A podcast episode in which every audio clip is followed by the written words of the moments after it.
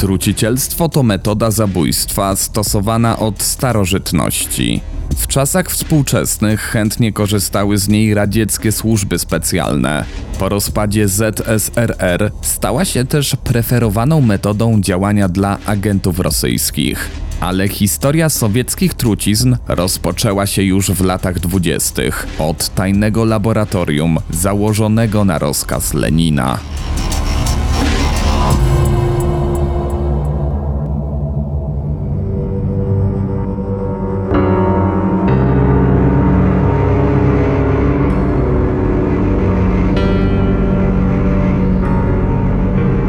Opowiem Ci historię. Kamil Barnowski. Zapraszam. Jeśli chcesz, aby odcinki na tym kanale pojawiały się regularnie, możesz wesprzeć Opowiem Ci historię w serwisie Patronite. Z góry dziękuję.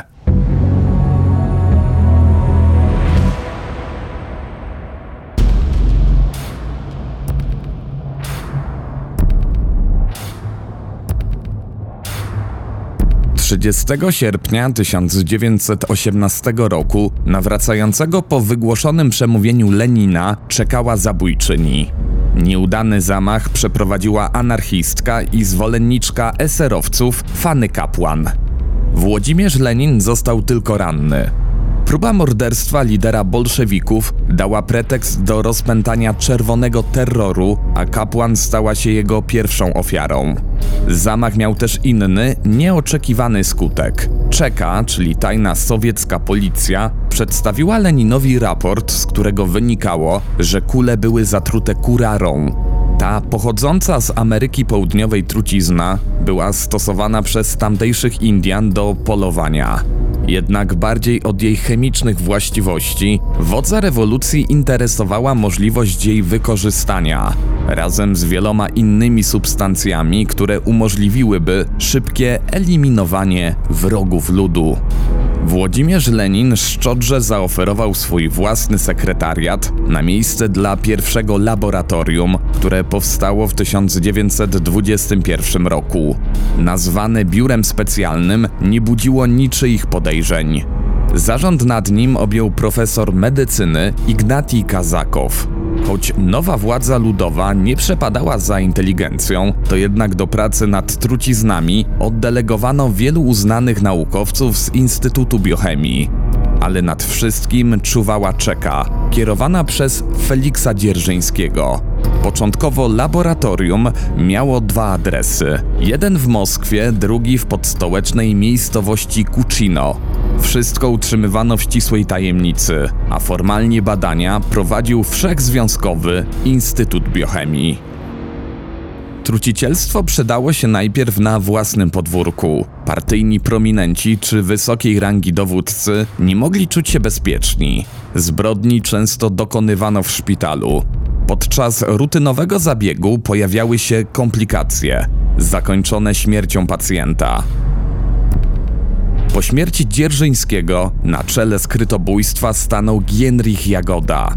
W jego gabinecie znajdowała się wypełniona fiolkami i słoikami szafa. Agenci otrzymywali od niego odpowiednią miksturę oraz instrukcje do jej zastosowania. Początkowo Jagoda był zastępcą szefa sowieckiej policji politycznej Wiaczesława Międrzyńskiego. Chory od lat Międrzyński zmarł nagle na atak serca w 1933 roku. Już wtedy pojawiły się podejrzenia, że Jagoda dopomógł mu w tym jedną ze swoich zabójczych substancji. W 1935 roku powołano laboratorium toksykologiczne, które bezpośrednio było podporządkowane szefowi NKWD. Korzystali z niego agenci wykonujący zadania za granicą. Bardzo możliwe, że pracowano tam także nad truciznami przeznaczonymi do zabicia Lwa Trockiego. Choć w jego przypadku skuteczne okazały się tradycyjne metody, to ofiarą trucizny padł jego najstarszy syn Lew Siedow. Po ostrym zapaleniu wyrostka robaczkowego trafił do prywatnej kliniki, gdzie przeszedł operację. Po udanym zabiegu wracał do zdrowia, ale kilka dni później pojawiły się ostre bóle i znaczne pogorszenie stanu zdrowia. 32-letni Siedow został najprawdopodobniej otruty w trakcie pobytu w klinice. W 1937 roku nastąpiła reorganizacja tajnej placówki. Wyodrębniono laboratorium bakteriologiczne i toksykologiczne. Coraz śmielej eksperymentowano z najróżniejszymi związkami naturalnego i sztucznego pochodzenia.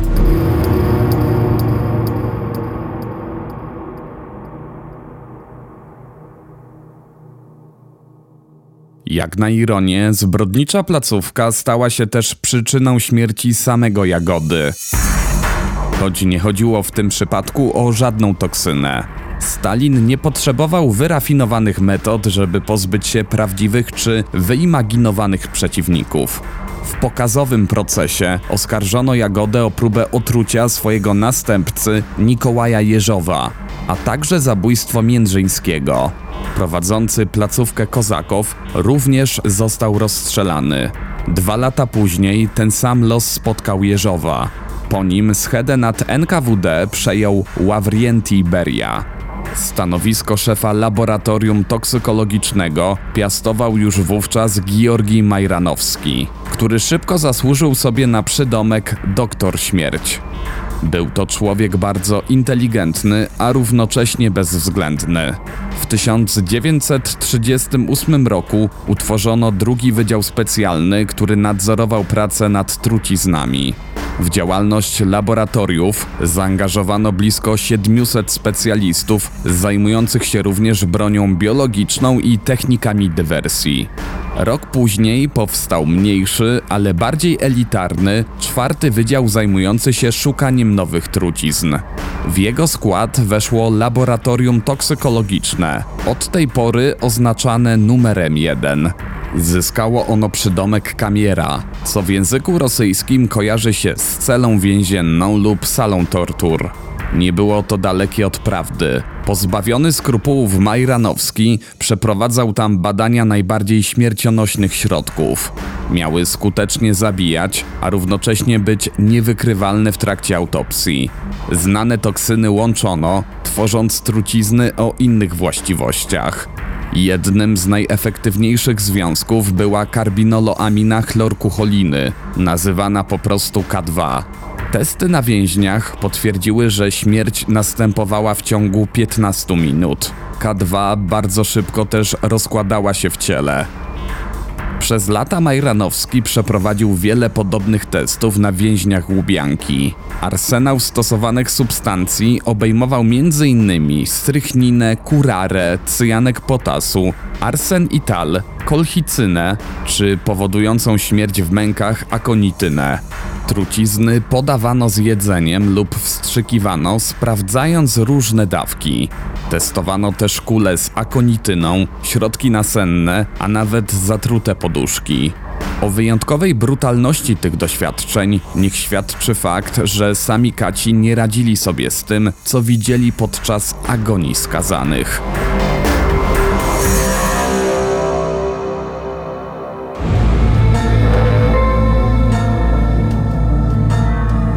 W latach 40. do użytku dla Wydziału Specjalnego przeznaczono zamaskowane pomieszczenia w klinice NKWD, niedaleko siedziby na Ubiance. Gdy w 1946 roku Wiktor Abakumow objął stanowisko powołanego w zastępstwie NKWD Ministerstwa Bezpieczeństwa Państwowego, sporo się zmieniło, jednak tylko od strony formalnej. Przetasowania na stanowiskach i zmiany organizacyjne w żadnym razie nie oznaczały wstrzymania prac nad truciznami. Powołano biuro numer 1 pod kierownictwem doświadczonego w tematyce toksykologicznej generała Pawła Sudpłatowa oraz biuro numer 2 to pierwsze miało zajmować się działaniami za granicą, drugie zaś zabójstwami na terytorium Związku Radzieckiego. Oba wspólnie podlegały ministrowi bezpieczeństwa. Jedną z pierwszych ofiar powojennego trucicielstwa był żydowski specjalista Naum Samet. W czasie wojny i tuż po jej zakończeniu ten zdolny inżynier pracował nad tajnymi projektami. Wykorzystywał m.in. zdobyte od Niemiec rozwiązania, stosując je w sowieckich okrętach podwodnych. ale po wojnie podjął decyzję o wyjeździe do Palestyny, co mieli mu umożliwić Brytyjczycy.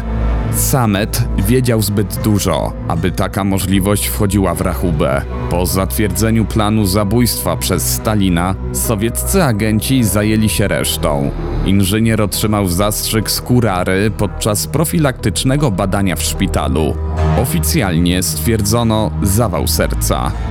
Podobny los spotkał ukraińskiego specjalistę Aleksandra Szumińskiego, zamordowanego przez agentów w pociągu wiozącym go ze zsyłki w Krasnojarsku. W obydwu przypadkach zastrzyk wykonał doktor śmierć. Kurarę zastosowano też do uśmiercenia Teodora Romży, grekokatolickiego biskupa z Zakarpacia. Sowieckie skrytobójstwo było bardzo wygodną formą pozbywania się osób, których z jakichś względów nie dało się skazać na karę śmierci. Amerykański Żyd Izajasz Ogins, o którego uwolnienie w czasie wojny starało się USA, czy szwedzki dyplomata Raul Wallenberg, stali się ofiarami takich praktyk. Przypadków osób, których wypuszczenie z powodu posiadania zbyt ważnych informacji nie wchodziło w grę, było dużo więcej. Wśród nich byli m.in. wysocy rangą dowódcy III Rzeszy. Jeszcze w lutym 1953 roku, tuż przed śmiercią radzieckiego dyktatora, zamordowano w Monachium Wolfganga Salusa, byłego sekretarza Lwa Trockiego. Dokonujący autopsji niemieccy lekarze niczego nie wykryli i uznali, że zgon nastąpił w wyniku zapalenia płuc.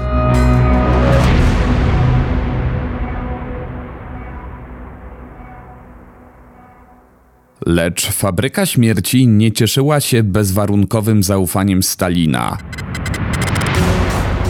ostatniej zaplanowanej przez dyktatora czystce, znanej jako spisek lekarzy, Georgij Majranowski został oskarżony wraz z kilkoma współpracownikami o nielegalne przechowywanie trucizn i udział w żydowskim spisku. Tajność kamiery uratowała mu życie. Główni oskarżeni nic nie wiedzieli o jej istnieniu, nie mogli więc wskazać na doktora śmierć nawet w trakcie wymuszonych przesłuchań. Skazano go na 10 lat. Po śmierci Stalina nowa ekipa pod przewodnictwem Chruszczowa pozbyła się przeciwników politycznych, oskarżając ich o nieludzkie eksperymenty na więźniach. Wcale nie oznaczało to, że KGB, które zastąpiło NKWD, zaprzestało trucicielstwa. Dzięki zbiegłemu oficerowi bezpieki o laboratorium oraz radzieckich badaniach nad śmiercionośnymi substancjami dowiedziało się też CIA. Mimo to dochodziły do skutku kolejne zabójstwa przy użyciu coraz wymyślniejszych metod. Większość dawnej kadry zginęła lub znalazła się w więzieniu, ale nie zamierzano zrezygnować z osiągniętych rezultatów. Tajny projekt znalazł nowy adres i 14 marca 1953 roku utworzono laboratorium numer 12. Jego szefem został Władimir Naumow. Nowa placówka znalazła się pod skrzydłami 5 Wydziału Specjalnego Ministerstwa Bezpieczeństwa Państwowego. W czasach KGB likwidowanie wrogów wewnętrznych nie było już tak istotne, a zabójcze substancje służyły głównie do akcji za granicą. Tak narodziło się Laboratorium X. Pod koniec lat 50. agent Bogdan Staszyński dokonał dwóch udanych zamachów na nacjonalistów ukraińskich Lwa Rebeta i Stepana Banderę. W obydwu przypadkach użył pistoletu rozpylającego cyjanek. Niewątpliwie ciekawą sprawą była nieudana próba otrucia Nikołaja Chochołowa. On sam był szkolony do zabicia przebywającego w Niemczech antysowieckiego działacza Georgija Okołowicza. Jednak zamiast wykonać rozkaz, ujawnił się i oddał w ręce CIA. W akcie zemsty KGB podało mu napromieniowany tal i tylko dzięki wysiłkom amerykańskich lekarzy udało mu się przeżyć. Pomimo tego niepowodzenia, wykorzystanie promieniotwórczych pierwiastków okazało się interesującym pomysłem rozwijanym w kolejnych latach przez Laboratorium X. Oficjalnie figurowało jako specjalne laboratorium nr 12 Instytutu Specjalnych i Nowych Technologii KGB. W 1963 roku stało się częścią nowo utworzonego zarządu T, żeby dwa lata później znaleźć się w strukturach wywiadu. Wciąż rozwijający się ośrodek przekształcono w 1978 roku w Centralny Naukowo-Badawczy Instytut Specjalnych Technologii. Za tą poważną nazwą wciąż jednak kryła się instytucja, której głównym celem było szukanie najskuteczniejszych sposobów likwidowania wrogów. Radzieckie służby specjalne chętnie też dzieliły się wiedzą i truciznami z agentami innych państw bloku wschodniego. Oferta obejmowała m.in. toksyny paraliżujące układ nerwowy oraz trucizny wchłaniane przez skórę.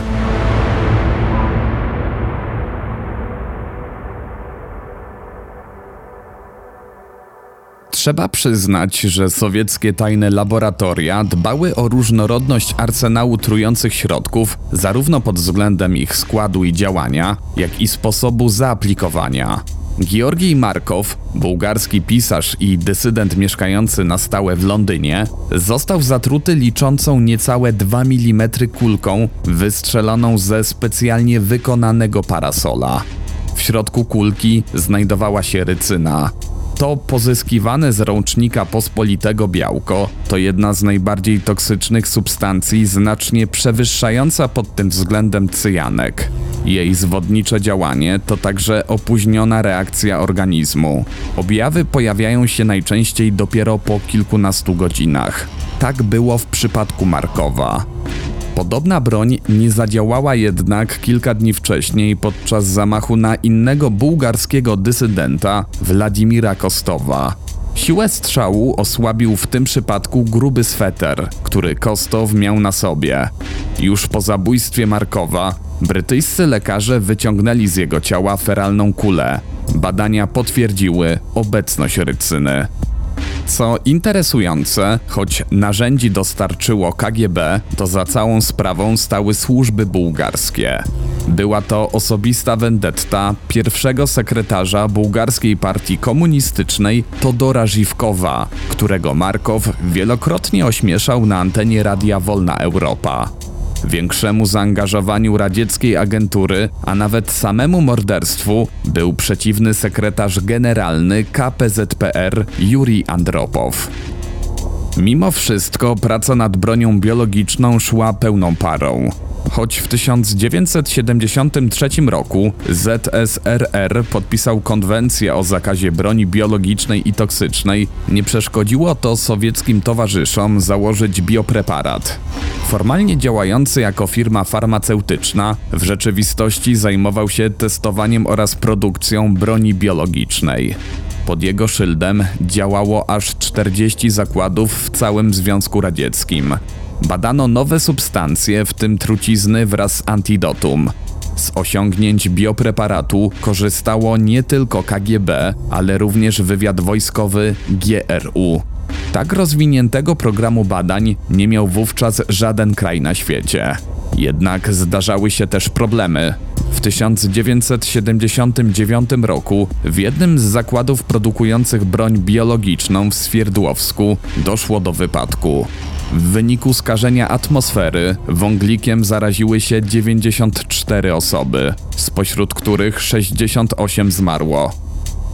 W 1989 roku, pod koniec zimnej wojny, szefowie CIA i MI6 przeżyli szok. Zbiegły na zachód były pracownik biopreparatu ujawnił, że przy projektach pracowało około 30 do 40 tysięcy osób w kilkudziesięciu wojskowych i cywilnych laboratoriach. Nawet 9 tysięcy zatrudnionych stanowili naukowcy i specjaliści od patogenów. Było to 10 razy więcej niż szacował amerykański i brytyjski wywiad.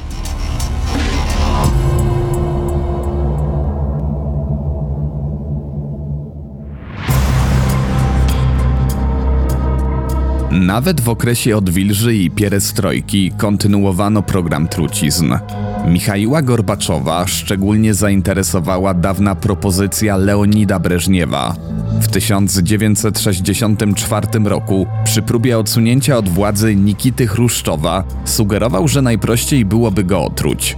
Choć Gorbaczow domagał się pełnego raportu o tej sprawie oraz eksperymentach z truciznami, nie otrzymał go. Szef KGB w latach 1961-1967 odmówił ujawnienia tajemnic. Po upadku Związku Radzieckiego rosyjski rząd podpisał konwencję o zakazie prac nad bronią chemiczną. Ale jak ujawnili w 1992 roku dwaj chemicy, dokładnie dr Wiłmir Żajnow i Lew Fidorow, był to tylko gest pod publiczkę.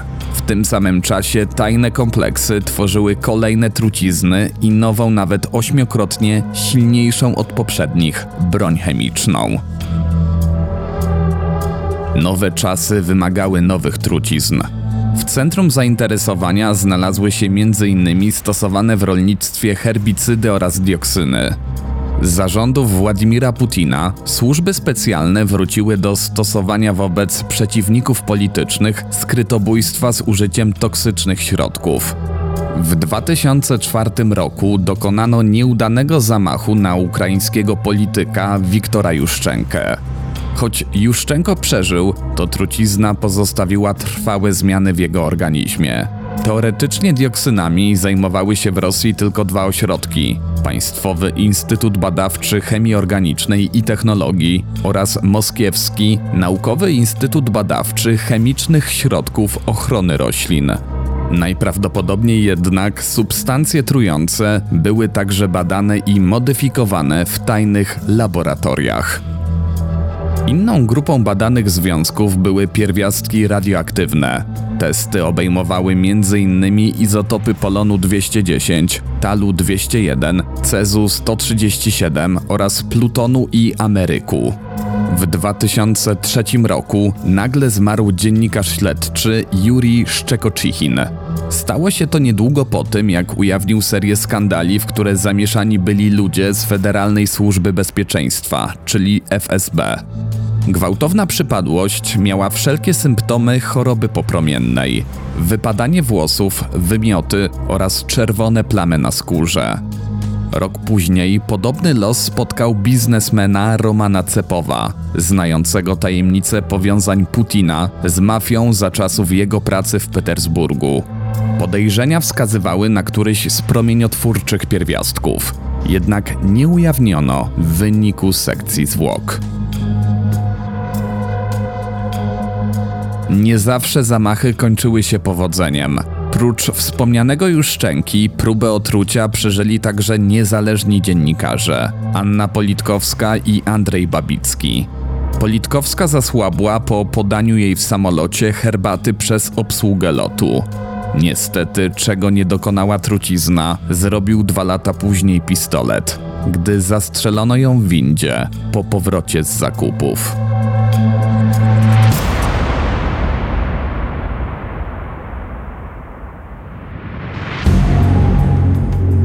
Byłego pułkownika KGB Wiktora Kałasznikowa oraz jego żony Mariny wykryto ponad 50-krotnie przekroczony poziom rtęci. Poważne pogorszenie stanu zdrowia u krytycznego wobec rządów Putina małżeństwa nastąpiło niedługo po emigracji z Rosji. Wcześniej w berlińskiej klinice badania wykazały też u mężczyzny podwyższony poziom izotopu polonu 210. Jednak najbardziej znaną aferą związaną z tym promieniotwórczym izotopem była sprawa śmierci Aleksandra Litwinienki. Dokładnie omówiłem już tę historię w materiale pod tytułem Osobisty wróg Putina. W dużym skrócie Litwinienko doskonale orientował się w powiązaniach pomiędzy politykami, tajnymi służbami i mafią. Kiedy zdecydował się pójść na wojnę z tym systemem, zmienił się we wroga wielu wpływowych ludzi, w tym Władimira Putina. Wyjazd za granicę niewiele pomógł. Dalsza działalność opozycyjna spowodowała, że ostatecznie zdecydowano się go zlikwidować. Na spotkaniu biznesowym z zaufanymi znajomymi w londyńskim hotelu Millennium skusił się na herbatę, skażoną śmiertelną dawką polonu 210. Po jakimś czasie pojawiły się silne bóle brzucha i wymioty. Jednak lekarzom ciężko było ustalić, co mu jest. Litwinienko zmarł 23 listopada 2006 roku. Izotop polonu 210 okazał się bardzo skutecznym środkiem, ale zabójcy popełnili błąd, podając ofierze zbyt dużą dawkę. Wyraźne objawy naprowadziły śledczych na właściwy trop. Choć jedynym światowym wytwórcą izotopu polonu 210 była rosyjska firma Avangard w Sarowie, to Rosjanie odrzucili tezę, że za zamachem stały ich służby.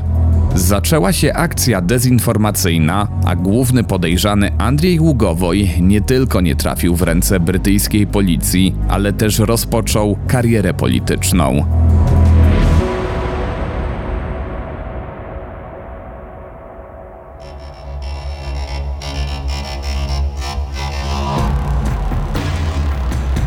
Rosyjskie laboratoria trucizn pozostały najbardziej zaawansowanym ośrodkiem wytwarzania toksycznych środków na świecie.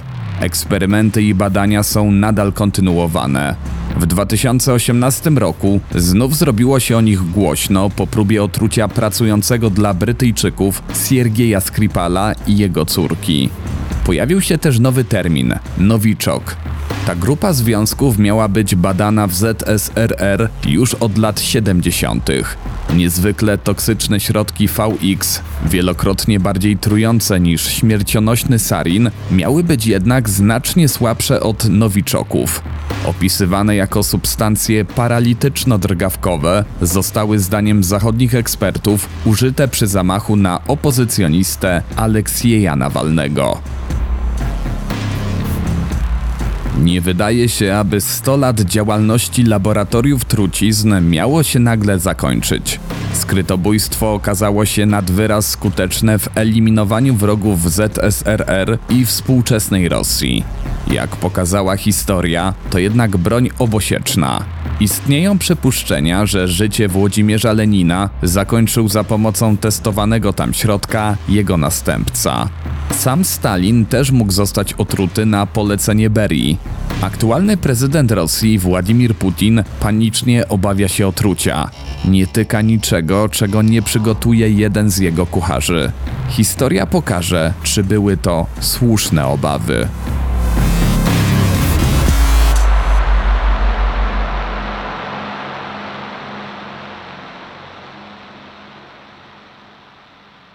Jeśli chcesz, aby odcinki na tym kanale pojawiały się regularnie, możesz wesprzeć Opowiem Ci historię w serwisie Patronite. Z góry dziękuję.